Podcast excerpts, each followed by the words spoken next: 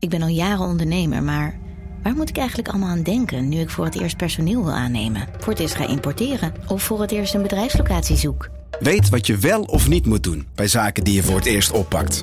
Check kvk.nl voor praktische stappenplannen. KVK, hou vast voor ondernemers. Hey podcastluisteraar. Ook op zoek naar een relevante invulling van je schaarse luisteruren? Tune dan in op de podcastserie ESG, even samengevat van BNP Paribas. Wij, Marloes en Aldert, spreken daar duurzame voorlopers en wereldverbeteraars. Waarover dan? Nou, bijvoorbeeld of we ooit duurzaam kunnen gaan vliegen. En waarom koeien in de stad nou een goed idee is? Dat en meer elke twee weken in een nieuwe aflevering. Dus abonneer je. ESG, even samengevat.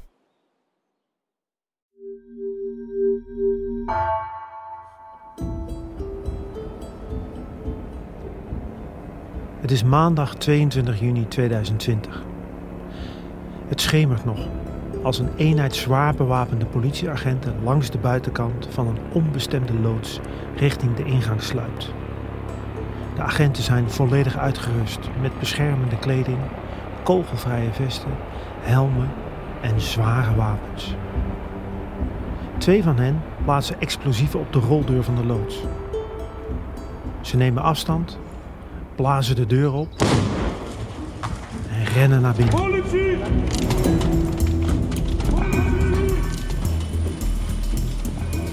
In de loods in het Brabantse dorpje Wouwse Plantage vindt de politie geen verdachte. Wel vinden ze zeven zeecontainers. Ze zijn van binnen voorzien van zilverkleurig isolatiefolie. In zes containers kunnen mensen worden vastgehouden. De handboeien liggen er klaar voor. In de zevende staat een tandartsstoel met riemen aan de armleuningen. Er worden ook scalpels, tangen, een vingerklem en ander gereedschap gevonden. Waarschijnlijk om mensen mee te martelen. Tot schrik van het arrestatieteam worden ook politieuniformen aangetroffen. Later blijkt dat ze zijn gestolen. De beelden die de politie een paar weken later presenteert, gaan de hele wereld over. Criminelen die hun rivalen ontvoeren, gijzelen en dan martelen. Dat lijkt stof uit een filmscenario. Die niederländische Polizei hat ein Gefängnis der Unterwelt mit einer Folterkammer Chaise de dentiste, sécateur, scie, scalpel et un arsenal ont été trouvés dans Y un séptimo usado como una cámara de tortura dispuesto con esposas colgadas en el techo y una silla atornillada. Op het moment dat de politie de loods in Wouwse Plantage binnenvalt, zoekt een tweede arrestatieteam naar een verdachte in Rotterdam. Ze omsingelen een chic appartementencomplex in de wijk Hillegersberg. Nog voordat de politie binnen is, slaat de verdachte op de vlucht naar het dakterras. Een agent ziet hem daar en roept: Politie! Politie! Maar de man stopt niet. Pas als hij een rode laserstraal op zijn borst ziet, legt hij zijn handen op de reling en geeft hij zich over. De vluchtende man is de 50-jarige Rotterdammer Roger P. In de onderwereld beter bekend als Piet Costa. Hij staat dan al een decennium op de radar van de politie, omdat hij betrokken is bij grootschalige cocaïnesmokkel. En hij wordt gezien als de opdrachtgever van de martelcontainer.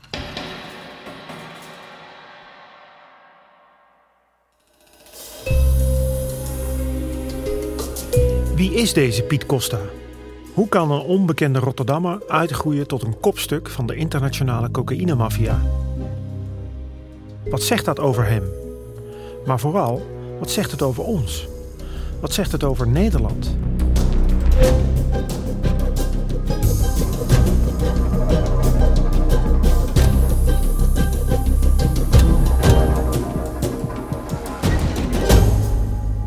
Aflevering 1. Nederland Drugsland.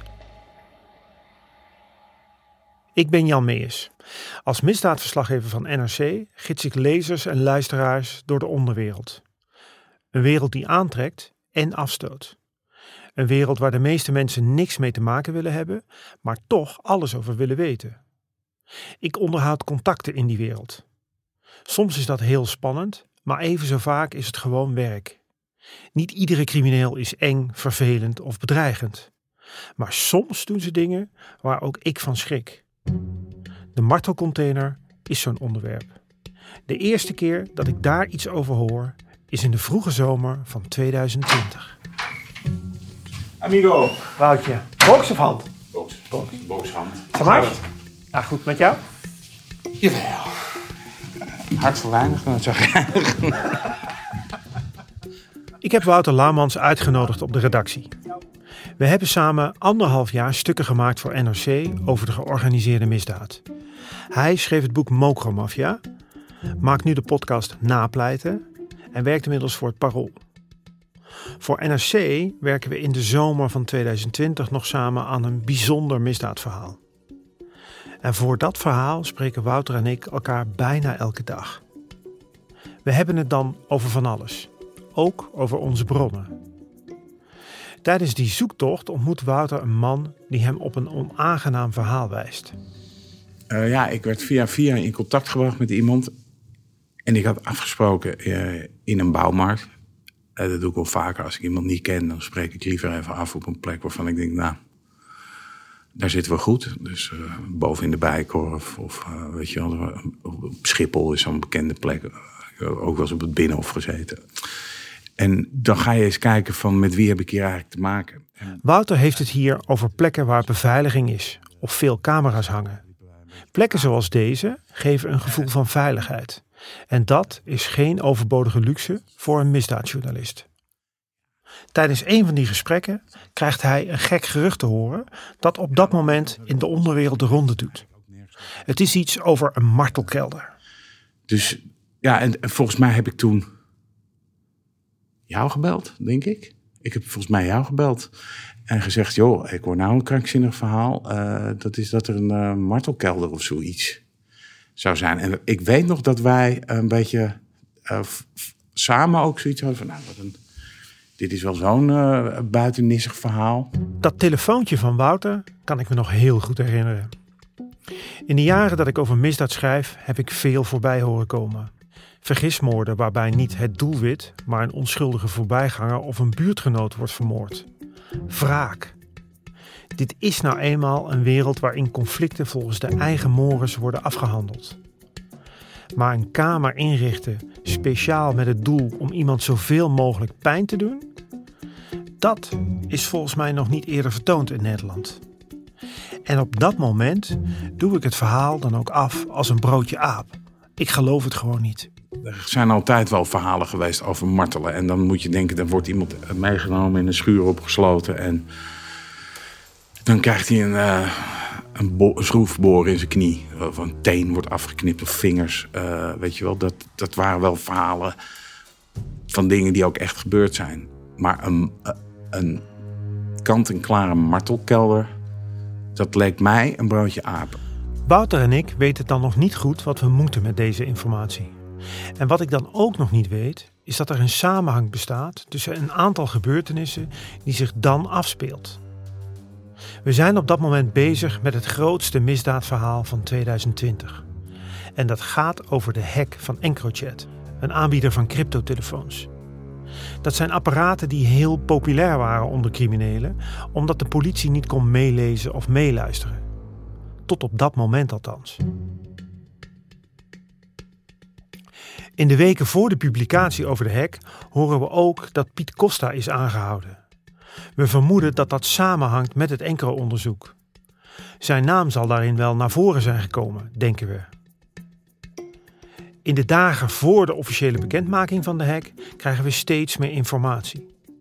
Tijdens een van mijn gesprekken gaat het ook over afpersing en zwaar geweld. En dat doet me weer denken aan Wouters anekdote over de martelcontainer. Dus het verhaal is waar, zeg ik tegen een bron in de opsporing. Het is even stil aan de andere kant van de lijn. Hoe weet jij dat nou? Met die woorden bevestigt hij het verhaal dat Wouter heeft gehoord. De hek van Encro en de martelcontainer zijn gevoelige onderwerpen. Dus maak ik een afspraak met mijn bron. Pas op de dag van de persconferentie over Encro brengen we ons verhaal over die hek. In de dagen erna publiceren we ook over de martelcontainer. Met alle details. Over de tandartsstoel, de tangen, de scalpels en de klemmen die zijn gevonden. Maar het nieuws wordt pas echt opgepikt als de politie een aantal dagen later het filmpje van de inval in Wouwse Plantage presenteert. Alle details waarover Wouter en ik schreven gaan de hele wereld over. Torture chamber found in the Netherlands. Omdat Wouter is overgestapt naar het parool, ga ik nu alleen verder. De vraag die me bezighoudt blijft dezelfde. Wie zit er nou achter? Wat is hier nou precies gebeurd? Er wordt een martelcontainer gevonden. Communicatie tussen criminelen gehackt en de Rotterdammer Piet Costa wordt aangehouden. Wat mij fascineert is de vraag of er een samenhang is tussen die gebeurtenissen. Het antwoord komt als ik een dossier in handen krijg. Daarin lees ik hoe Piet Costa bevriest als hij bij zijn aanhouding die laserstraal op zijn borst ziet. Maar ook dat de vermoedelijke opdrachtgever van de martelcontainer schuilgaat achter een schitterende bijnaam: Luxury Balloon. En kort daarna hoor ik ook wie de bijnaam waarschijnlijk gebruikt. Het is Piet Costa.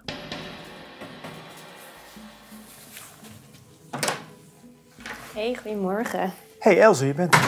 Yes. Uh, ik heb iets leuks. Jij wilt toch heel graag weten Dat is een hoe Piet er nou eigenlijk uitziet? Ja, Nou, heel graag. kom eens kijken. Samen met audioredacteur Elze van Driel zit ik op de redactie van NRC. We bekijken dossierstukken die ik heb verzameld. De informatie die erin staat is het startpunt van ons onderzoek naar de criminele carrière van Piet Costa. Dit is Piet. En daar snap je meteen waarom ze hem Kale noemen. Oké. nog nooit zo'n kale kop gezien. Ja. Roger P. Roger geboren P. op 25 november 1971 in Rotterdam. ja.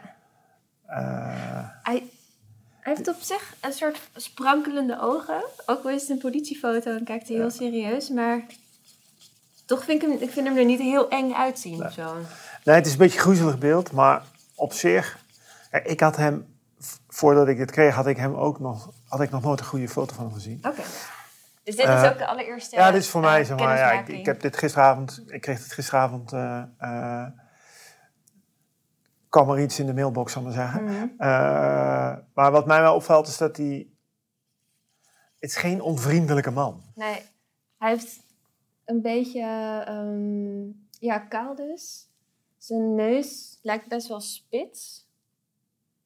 En zijn ogen zijn een beetje, staan best wel dicht bij elkaar. Dicht bij elkaar. En hij heeft een hele, eh, hoe zeg je dat, fijne lippen. Ja. Hey, wanneer hoorde jij voor het eerst over Piet? Nou, ik denk dat dat ergens in het voorjaar of de zomer van 2018 was. Ik moet even naar mijn archiefje toe. eh, van de Telegraaf. En dan kom ik uit op een stuk, hier heb ik het. Met een kop en die luidt... Koop van Piet Costa zat in fruit. En dat is een stuk van collega's van Willy en van de Heuvel van 6 juni 2018. Hm. Nou, wat speelt er dan? Dan zijn een aantal handlangers van Piet. Jij wijst nu naar mijn scherm en je vraagt Ja. wat is dat? Ja. Nou, er zit een foto en het zijn blokken, blokken cocaïne. En die zijn verpakt, ik geloof vijf per stuk, in, in een soort van cellofaan of plastic Het lijkt wel zakjes. snoepzakjes. Ja, het lijken wel snoepzakjes. Dat zijn dus, eh, volgens mij zijn dat zakken met vijf blokken coke. Dus dat is eh 125.000 euro per zakje. Maar goed, zeg maar, die foto is genomen van een onderschept transport. En in die zaak zijn een aantal mensen aangehouden. En dat zijn, vermoedt de politie dan, handlangers van Piet Costa. En nou, die mannen die komen dan op de eerste zitting in eh, wat we tegenwoordig een tussentijdse zitting noemen. Dus gewoon de eerste openbare zitting. En dan valt voor het eerst in het openbaar de naam van Piet Costa. En ik heb ooit wel eens een keer helemaal teruggezocht. Ook op CrimeSite en allerlei andere blogs. En, eh, dit is de eerste keer dat de naam van Piet in de krant voorkomt. Nou, ja, god, dan is het voor mij op dat moment oké, we hebben Piet Costa. En ik sla het op in mijn achtergrondgeheugen. En als ik eens een keer met iemand praat en eh, dan hoor ik wat over, dan zeg ik veel, ken jij hem? Of wat is dat voor figuur? Jij dacht, dit is gewoon een naam. Dit is Net een naam. veel namen ja. die dan en, eh, en dan, ik sla dit soort dingen altijd wel op, omdat ik ook weet van, er kan een moment komen dat hij terugkomt. En dat gebeurt ook. En dat is het moment dat die zoektocht echt begint van, wie is die man nou? En dan, dan begint het echt spitwerk, zeg maar. En wat dacht je toen? Nou, dat was eigenlijk voor mij een enorme verbazing, want ik was dus al zeg maar, in mijn netwerkje gaan graven. En op een gegeven moment vertelde iemand mij een fijne anekdote. En die zei, Piet Costa, die, dat is een karakter, die, noemen ze, die staat in de onderwereld ook wel bekend als een snoepje. Dus ik, snoepje, uh, wat bedoel je daarmee? Nou, een snoepje, vertelde die uh, bron toen, dat is zeg maar een benaming voor iemand waar je makkelijk geld van af kunt pakken. Dus namelijk iemand die als jij uh, zeg maar, uh, dreigt of geld afpakt, die niet heel snel zal reageren met zwaar geweld. En dat klopt ook wel, uh, want hij is in mijn analyse ongeveer tien jaar actief in de cocaïnehandel. En we hadden dus nog nooit van hem gehoord, tot 2018. Dus eigenlijk nooit in beeld geweest. En dan nu duikt hij in één keer op in een zaak die, waar het geweld van afdruipt. Een martelcontainer. En ik vond dat aan de ene kant, ik vond dat dus moeilijk te rijmen. Van hè, Piet Costa, dat was toch de man die niet van het geweld was.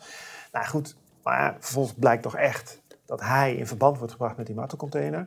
En dan ga je weer verder van, hé jongens, hoe spoort dit met elkaar? Klopt dit? Uh, hoe kan dat dan? En dan wordt natuurlijk zo'n karakter wordt eigenlijk steeds interessanter, want het is paradoxaal. En dat intrigeert. Wat is er in de carrière van Piet Costa gebeurd dat het zo ver heeft kunnen komen? Om een antwoord te vinden moeten we zijn verleden in. Wat heeft Piet Costa allemaal gedaan? Waar heeft hij al die tijd uitgehangen? En vooral met wie? Kijk, ik zal je nog wat laten zien. Moet even mijn tas pakken. Uh, waar ben je? Hier zit een mapje in. Dat is weer een ander stuk Nog een mapje. Heel veel mapjes. Uh, en daar zitten, uh, fascinerend, daar zitten alle reisbewegingen in van Piet Costa. Nou, uh, hier heb je dat. Nou, dat, is dan, uh, dat is onderdeel van het onderzoek waar we het straks over hadden. En dan blijkt dat... reisbewegingen Zuid-Amerika. Ja, Zuid-Amerika. En dan blijkt dus dat de politie navraag heeft gedaan van waar is Piet allemaal geweest in Zuid-Amerika nou, daar zit, er zit één opvallend ding in. Ik, ik zal je verder alle details besparen. Maar dan blijkt op een gegeven moment dat um, de autoriteiten van Panama... die melden dan aan de Nederlandse politie... dat Piet Costa voor het eerst op 17 december, september 2009... Uh, vanuit Chili naar de luchthaven Tucumán in Panama-stad is gereisd. Nou, daarna zie je dat hij weer weggaat en dan zie je vervolgens dat hij steeds vaker in- en uitreis naar Panama, maar ook bijvoorbeeld naar Colombia, uh, naar Ecuador en naar Costa Rica. Piet Costa, Costa Rica, dat is denk ik geen toeval. Dat is geen toeval. Nee, uh, kijk, zijn echte naam is Roger P. Nou, Piet is een verbastering van zijn achternaam. Um, en Costa refereert gewoon aan Costa Rica. En als je ziet dat hij naar Latijns-Amerika reist en we weten dat uh, cocaïne uit Latijns-Amerika komt, wat zegt jou dat dan? Nou, kijk, ik denk dat dit geen toeval is. Uh, hij komt op een gegeven moment in het nieuws vanwege cocaïnesmokkel. Uh, dat is dat eerste stuk in de Telegraaf. Nou, als je dan in één keer die reisbewegingen ziet, dan denk ik van hé, hey, hier moet wel een verband zijn. Maar de, de vraag is dan, dat wordt onderdeel van de zoektocht, is waarom voor het eerst in 2009? Wat, is, wat ligt daar nou aan ten grondslag? En, andere vraag is, met wie dan? Hoe dan? Gaat hij in zijn eentje? Kent hij mensen? Uh, gaat hij een opdracht van? Uh, nou, dat is iets wat je dan gaat uitzoeken. Want dat is uiteindelijk de kern van mijn werk. Proberen dan zo'n man zo goed mogelijk te leren kennen en te snappen wie hij is, maar ook hoe hij past in het grotere plaatje.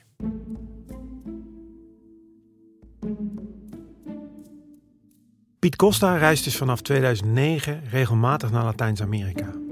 En de vraag is, waarom eigenlijk? Wat had hij daar te zoeken? Het is niet illegaal om naar Colombia, Panama of Costa Rica te reizen.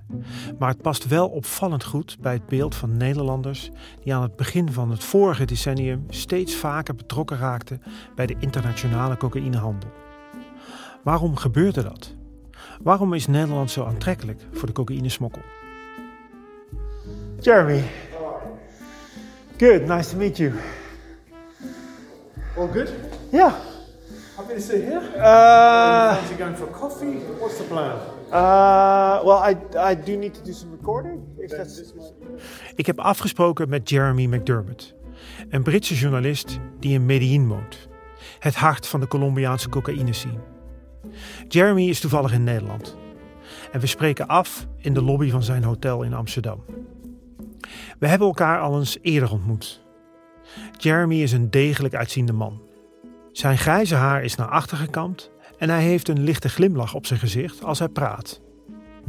Hij is de oprichter van Inside Crime, een website waarvoor hij onderzoek doet naar de georganiseerde misdaad in Latijns-Amerika. Maar ik wil het nu hebben over de relatie tussen de Colombiaanse kartels en de Nederlandse onderwereld bij cocaïnesmokkel. En ik zal uitleggen waarom. In 2010 werd 15.000 kilo cocaïne onderschept in de havens van Rotterdam en Antwerpen. En tien jaar later, in 2021, is dat ruim 150.000 kilo. Dat is tien keer zoveel. Jeremy aarzelt niet als ik hem vraag waarom Nederland zo interessant is geworden voor Colombiaanse drugskartels. I think, Young, one of the first things to to uh, focus on when you're looking at the increase in the cocaine pipeline to Europe is to look at the relationship between the Colombians and the Mexican cartels. During the, the 2000s, there had been a gradual um, change in the relationship between the Colombians and the Mexicans. And the Colombian cartels began to pay the Mexicans not money for, for every kilo they moved, but they paid them in product. And so the Mexicans developed their own distribution networks in the United States. And the Colombian traffickers make a business decision, which is why sell cocaine to the Mexicans for the American market, where a kilo of cocaine is worth roughly twenty to twenty-five thousand dollars, where there is a very high risk of interdiction, extradition, and seizure of assets. So the Colombians decide, well, a kilo of cocaine in Europe is worth between thirty and thirty-five thousand dollars. There is much less risk of interdiction, much less risk of extradition, and even less risk of seizure of assets. Voor wie de Netflix-serie Narcos heeft gezien, zal dit allemaal bekend klinken. De Colombianen verdienden hun geld vanaf de jaren 70 met de smokkel van cocaïne naar de Verenigde Staten. Daarbij werkten ze lang samen met de Mexicanen. En zij grepen uiteindelijk de macht bij de distributie van cocaïne naar de VS. In reactie daarop verlegden de Colombianen hun focus naar Europa. Een relatief onontgonnen markt waar cocaïne veel meer geld opleverde en de straffen lager waren.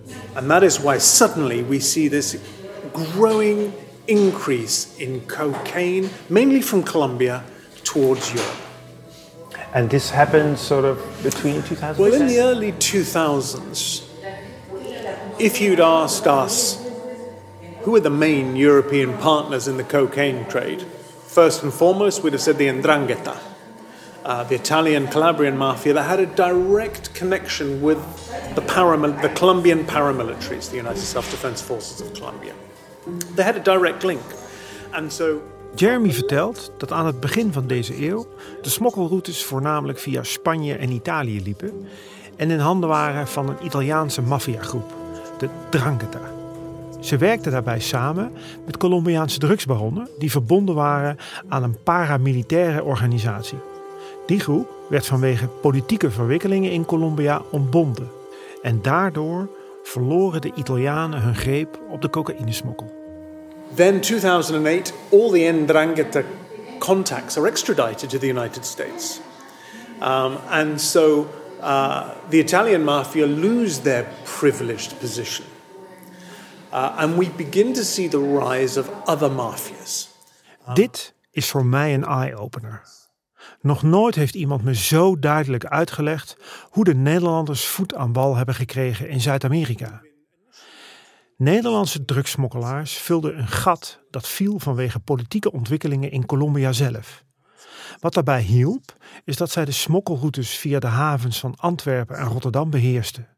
Nederland was dankzij de ligging en het distributienetwerk een ideale plek voor de internationale cocaïnemafia. From the 2010 onwards, we begin to see a shift towards Antwerp and Rotterdam. Um, and that just seems to grow as the ports grow. Because you remember, this is also a time when Rotterdam and Antwerp are increasingly handled more and more containers. Um, they've developed the infrastructure. It's not just the ports, there's the infrastructure into anywhere into, into Western Europe. And so the drug traffickers um, see this. They are playing the numbers game. No port has, uh, particularly not Antwerp and Rotterdam, have, have the ability to search millions of containers. And this container game has continued from 2010 to 2020. Cocaïnesmokkel is dus een spel van de grote getallen. Hoe meer containers een haven binnenkomen, hoe moeilijker het wordt om ze allemaal te controleren. En vanaf 2010 maken Nederlandse criminelen steeds vaker misbruik van de grote hoeveelheid containerbewegingen in de havens van Antwerpen en Rotterdam. En als je dan kijkt naar de carrière van Piet Costa, dan beginnen de puzzelstukjes op hun plek te vallen. From uh, 2008 onwards, when the Colombians are increasing looking towards Europe and looking towards Antwerp and Rotterdam, they have a challenge. How do they get their drugs out of the ports? Um, and they need Dutch connections because the Dutch not only obviously control Rotterdam, but they also have extraordinary influence in Antwerp as well. And this is something that developed over time. Um, and so the Dutch found themselves sitting on the main entry point for cocaine into Europe and sitting on what we now like to call the cocaine stock exchange. En zo is Nederland de cocaïnebeurs van West-Europa geworden. Het gebeurde onder mijn ogen, maar ik had het niet in de gaten.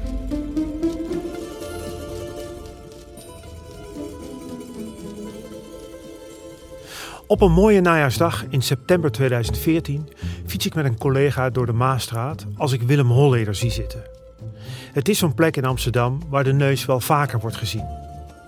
Maar dit lijkt wel een bijzonder moment te zijn. Diezelfde middag, zo wil het toeval, komt bij het Amsterdamse Hof informatie naar buiten die zowel voor Holleder als mijzelf grote gevolgen zal hebben. Hij wordt drie maanden later aangehouden en zal daarna nooit meer vrijkomen. En ik steek vanaf dat moment vrijwel al mijn tijd in een boek over hem. Dat gaat over een oud onderwereldconflict waarin Holleder een hoofdrol speelt. Maar wat ik daardoor mis, is dat er inmiddels een nieuw conflict broeit in de onderwereld tussen de opvolgers van Willem en zijn generatiegenoten. De veelbesproken familiesaga rond Willem Holleder en zijn zussen Astrid en Sonja leidt af van een aardverschuiving die zich aan het voltrekken is in de Nederlandse onderwereld. Een beweging die wordt veroorzaakt door de groeiende stroom cocaïne die naar West-Europa komt. Twee journalisten richten zich juist op die nieuwe generatie. Wouter Laumans en Marijn Schrijver publiceren in het najaar van 2014 de bestseller Mokromafia. Het is een titel die tot de verbeelding spreekt en de basis vormt voor de gelijknamige televisieserie op Videoland. We hebben groep De Paus, we hebben groep Romano. Perfect. Het lijkt me geen toeval dat ze elkaar even helemaal af te knallen. Ik snap niet dat zij niet snappen dat dit een fucking domme oorlog is. Als wij nu achter ze aangaan, beëindigt het dan. Bro, deze shit loopt uit de hand. Wij zijn gaan schrijven in het begin van 2013. En toen was de dubbele liquidatie in de Amsterdamse staatsliedenbuurt, die was al geweest, die was in december geweest. En de focus bij ons lag eigenlijk meer op, het, op de jongens, die zich eigenlijk lieten verleiden door het grote geld en die steeds verder die wereld vol, dat labyrint vol geweld, werden ingezogen. Dat, daar lag de focus van ons verhaal op. Uh, een soort coming-of-age verhaal in die Amsterdamse onderwereld. Maar op de achtergrond speelde daar echt uh, de internationale cocaïnehandel. Dat is... De scene waar het boek van Wouter over gaat, heeft twee kopstukken. Gwennet Marta en Samir Bouyakrishan. Hij is ook wel bekend onder de bijnaam Scarry, een Amsterdamse verbastering van Scarface. Het is een verwijzing naar een litteken dat Samir overhoudt aan een vechtpartij in het Amsterdamse uitgaansleven. Zij zijn de nieuwe gezichten van de Nederlandse onderwereld. De Antilliaan Gwennet en de Marokkaan Samir hebben ondanks hun verschillende achtergrond veel gemeen. Ze groeien op in Amsterdam en raken als tiener betrokken bij kleine criminaliteit. Op latere leeftijd vinden ze aansluiting bij invloedrijke smokkelaars die naast hash, pillen en wiet steeds vaker en steeds meer cocaïne gaan smokkelen. En het is in dit milieu waarin Piet Costa zal uitgroeien tot een Nederlandse narco. In deze periode groeit de markt voor cocaïne heel snel. In 2010 heeft 1% van alle Nederlanders tussen de 15 en de 35 wel eens cocaïne gebruikt. In 2020 is dat bijna vijf keer zoveel. Het betekent de definitieve doorbraak. Het gebruik van cocaïne wordt in steeds meer lagen van de Nederlandse bevolking geaccepteerd. En in dit tijdsgevricht groeit Samir uit tot een van de grootste cocaïnesmokkelaars van West-Europa. De Amsterdamse onderwereld heeft een nieuwe koning. En zijn naam is Samir Scarface Bouyakrishan. Samir was op dat moment de grootste. Dat, dat, dat stond buiten kijf. Dat hoorde je in het milieu. Samir Bouyakrishan, Scarry, Scarface. Dat was de, op dat moment de grote meneer in het drugsmilieu. Scarface, die stond op jouw radar Ja. in die tijd. God dat ook al voor Piet Costa? Niet zozeer als voor Samir. Samir was echt. eh, in die tijd was hij een soort. Ja, de man in Amsterdam. Hij had een soort, een soort rocksterrenstatus. Eh, En de mensen om hem heen ook. Dat waren echt de gasten die, het, die groot in de blokken zaten. Dat was ook het imago. Eh, hij was hier zelden. Eh, hij had het imago van iemand die dan weer hier, dan weer daar. Eh, en dan moet je denken aan eh, Dubai, eh, Zuid-Spanje, Zuid-Amerika. Zo, zo iemand die. eh, Zo'n cosmopolitische eh, drugshandelaar was dat. En eh, wat iedereen over hem zei, is dat het een zakelijk genie was. En dat hij stinkend rijk was. En het verhaal wat daar altijd elke keer weer over ging, was dat hij eh, op, op enig moment in Dubai een winkelcentrum heeft gekocht. En dat cash had afgetikt. En de grap was dat als je daar met collega's over eh, begon te praten, dat mensen dat niet helemaal konden vatten. Die hadden zoiets van, joh, de onderwereld die, die zijn bezig met pandjes. En het, dat was nog een beetje de uitlopers van de Enstra Holleder tijd. Pandjes in Amsterdam en witwassen. En wat mij wel opviel was in de verhalen dat die, de jongens daar al lang al ver voorbij waren. Die kochten dus gewoon eh, appartementencomplexen in, in, in Marokko en in Dubai. En die, die waren helemaal niet meer bezig met woningjes in Amsterdam-Zuid. Die, die, dat was voor hun klein bier. Dat was echt het imago wat ze hadden. Samir werkt vaak samen met Marokkaanse jongens. Maar ergens rond 2010 sluit zich ook een Nederlander aan bij de groep van Scarface. Het is Piet Costa. Hij richt zich op de logistiek. Piet regelt transporten van cocaïne vanuit Zuid-Amerika naar West-Europa. En onderhoudt contacten in de haven die nodig zijn om grote hoeveelheden langs de douane te loodsen. Dankzij de handel van Scarface stijgt Piet in aanzien. Wanneer snap jij dat Piet Costa de man is die hoort bij Sami Scarface Bouyakrishan? Medio 2016, dus halverwege 2016, had ik wel zicht op van... er speelt een heel groot conflict en het gaat om heel erg veel kook. Daar zitten, eh, of om grote, de, de mensen die daarbij betrokken zijn, die zitten groot in de cocaïne. En daar zitten op de achtergrond zitten daar transporteurs. En een van die transporteurs is Piet Costa. Dat wist ik in t- 2016 wel. Maar wat zijn exacte rol precies was, eh, dat weet ik niet. Want eh, Piet had ook wel de naam dat hij gewoon met iedereen werkte. Dus het was een, soort Zwitserland van de onderwereld. Hij koos geen kamp. Hij had gewoon zoiets, als je geld hebt en, eh, je hebt en dan ga ik wel met je werken. Vrij, vrij Hollandse koopmansgeest eigenlijk. Vrij pragmatisch. Piet Costa heeft zichzelf in een aantrekkelijke positie gemanoeuvreerd. De markt voor cocaïne wordt groter en groter. En Nederland groeit uit tot de draaischijf voor de cocaïnehandel in West-Europa. Hier valt geld te verdienen. Heel veel geld. Maar dat is niet zonder risico. Dat komt twee meter klein hier. Ja, misschien is het wel 23b. We kennen nu globaal het speelveld waarop Piet Costa opereert. Maar hoe organiseer je nou eigenlijk een drugsdeal?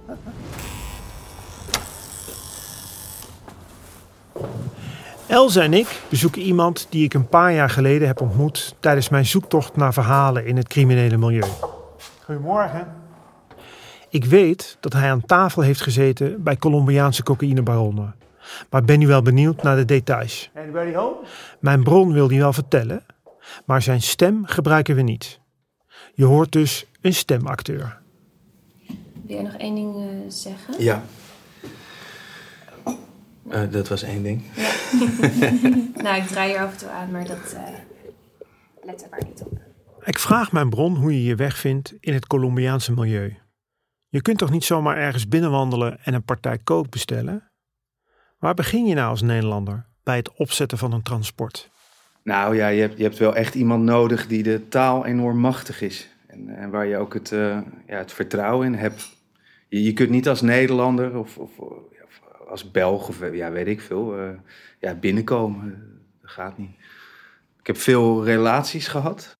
En uh, ja, eigenlijk via dat heb ik eigenlijk iemand leren kennen. En dat, ja, dat waren vrouwelijke relaties. Daarbij had ik ook een hele goede vriend. En uh, via hem heb ik ook uh, contacten opgedaan. En die heeft mij ook een, uh, ja, een bepaalde richting opgeduwd. En die had dan weer een vriend van een vriend van een vriend. Want ja, zo gaat het dan meestal. En dan, ja, dan, dan kom je plotseling ergens terecht waar je denkt dus dat, je, ja, dat je te pakken hebt. En dat ging vrij snel. Mijn bron vertelt dat het begint met een kop koffie met de tussenpersoon van de verkoper. Dat gebeurt gewoon in een huiskamer, in dit geval vlakbij het strand. Eerst moet er vertrouwen gewonnen worden, van de verkoper naar hem toe, maar ook andersom. Binnen een paar maanden heeft hij uiteindelijk de juiste persoon te pakken. Dat cruciale contact ontmoet hij voor het eerst op een plek waar hij zich niet op zijn gemak voelt. Kijk, je weet niet wat er gebeurt. Hè? Je, zit ergens en, en je weet niet waar je uit moet. Uh, en je weet ook niet waar je in moet. Dus ik ben binnengekomen in de garage. Een uh, ondergrondse garage in een uh, appartementencomplex. En uh, nou, daar ben ik dus met, met vier mensen naar boven gegaan. In de lift, volgens mij van de, was het? Ja, de zevende etage uit mijn hoofd. en daar ben ik naar binnen gegaan. En, en ja, dan moet je in principe, ja, dan word je naar een slaapkamer begeleid. En daar staat een bed. En er stonden vier stoelen in. Ja, dat was het. En ja, ik heb op een stoel gezeten. En toen kwam hij dus binnen. Dus dan ben je in principe, ja, dan ben je aan de goden overgeleverd. En op een gegeven moment vroeg hij van, uh, nou, heb, je, heb je een legitimatiebewijs bij je? Nou, dat had ik, dus dat, dat heb ik hem laten zien. Dat heb hij bekeken. Toen heb ik heel brutaal, maar dat, ja, dat was meer denk ik nervositeit, heb, heb ik ook zijn identiteit gevraagd. En Eigenlijk zonder te aarzelen legde hij dat neer. Een paar weken later krijgt hij via zijn Blackberry weer een bericht. Er volgt een nieuwe afspraak. Nou ja, kijk, hij belde mij op. En uh, toen gaf hij mij het exacte adres waar hij zat. Ja, toen werd het meer een, uh, ja, een open en vriendelijk gesprek eigenlijk. Nou, dan valt er wel heel veel druk van je af hoor. Toen had hij besloten dus met, met degene die inderdaad het product had in een stad in het uh, midden van Colombia om daar naartoe te gaan. Dus in principe met de eigenaar van het product hebben we daar een afspraak gemaakt. En daar zijn wij volgens mij twee weken later naartoe gegaan ongeveer. En uh, daar is iemand op een gegeven moment op een brommertje gekomen met, uh, met de vuilniszak vol met blokken zo op de tafel gezet. En de blokken lagen in het rubber en de rubbers eraf getrokken, blokken opengemaakt. we hebben een aantal bekeken of het kwaliteit was. De blokken weer dicht. En we zijn daarna met de eigenaar van de blokken ja, zijn we in een restaurant gaan eten. Na de ontmoeting met dat cruciale contact duurt het nog een paar maanden voordat er echt een deal is. En bij iedere afspraak worden foto's gemaakt van de blokken cocaïne als bewijs. Tussen het moment van vertrek van de container uit Colombia En de aankomst in Rotterdam zit ongeveer twee tot drie weken. Ja, dan, dan is het twee, twee à drie weken afhankelijk een beetje uh, enorm veel spanning. Maar we hadden best wel een goede connectie in de haven, dus, dus dat werd er vrij snel uitgehaald.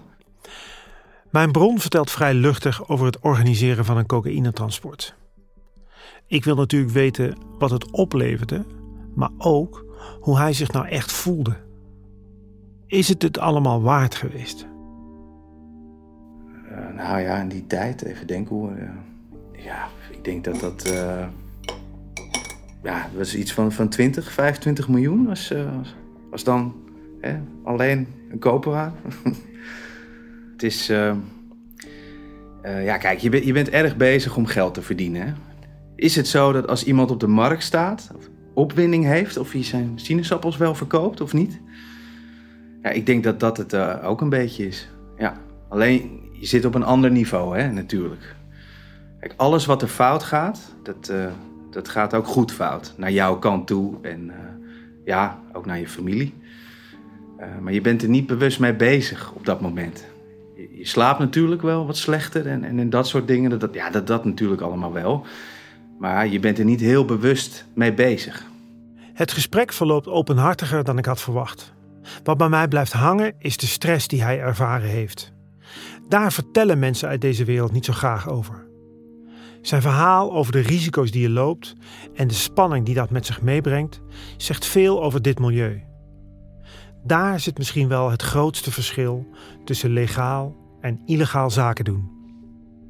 Nou, als je legale zaken doet en dan gaat het mis, nou ja, dat, kan gebeuren. En uh, natuurlijk, uh, dat, dat heeft natuurlijk dan geen gevolgen. Ja, financieel misschien, maar voor de rest geen gevolgen.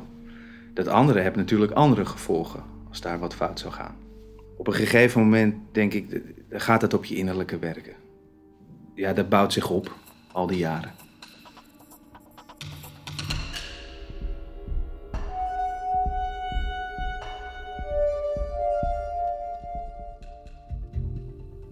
Piet Costa rijdt op de Martin Luther Kingweg in Rotterdam als achter hem een auto opduikt. Stop, politie, ziet Piet in de spiegel van zijn zwarte BMW. De auto die het stopteken gebruikt, is niet de klassieke gemarkeerde politiewagen, maar een gewone burgerauto. Piet vertrouwt het niet en rijdt door. Als hij even later toch aan de kant wordt gezet, vertelt hij dat hij in principe niet voor burgerauto's stopt. Ook niet als ze een stopbord van de politie gebruiken. Ik ben erg voorzichtig, zegt Piet. Iedereen kan wel zo'n ding in de auto hebben. Daarna legt hij uit waarom hij zo voorzichtig is. Ik ben laatst ontboden op het hoofdbureau, aldus Piet. En mij werd meegedeeld dat ik op een dodenlijst sta. Het is de reden dat hij niet zo vaak meer in Nederland is en nu in een huurauto rijdt, aldus Piet Costa. Het is 4 april 2014. In de Nederlandse onderwereld staat een nieuwe oorlog op uitbreken.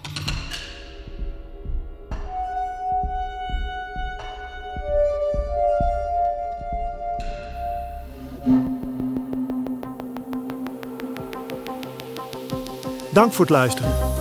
Dit was de eerste aflevering van Cocaïne Koorts 2, een podcast van NRC. De podcast is gemaakt door mij, Jan Meijers, Elze van Driel, Tessa Kolen en Felicia Alberding. De montage werd gedaan door Jeppe van Kesteren, Jeroen Jaspers en Janniek Middelkoop. De muziek is van Jeroen Jaspers en Bas van Win. En eindredactie was in handen van Peter Santing, Ido Havenga en Anne Moraal. De stemacteur die je hoorde is Maurits van den Berg. Aflevering 2 is volgende week woensdag hier te beluisteren.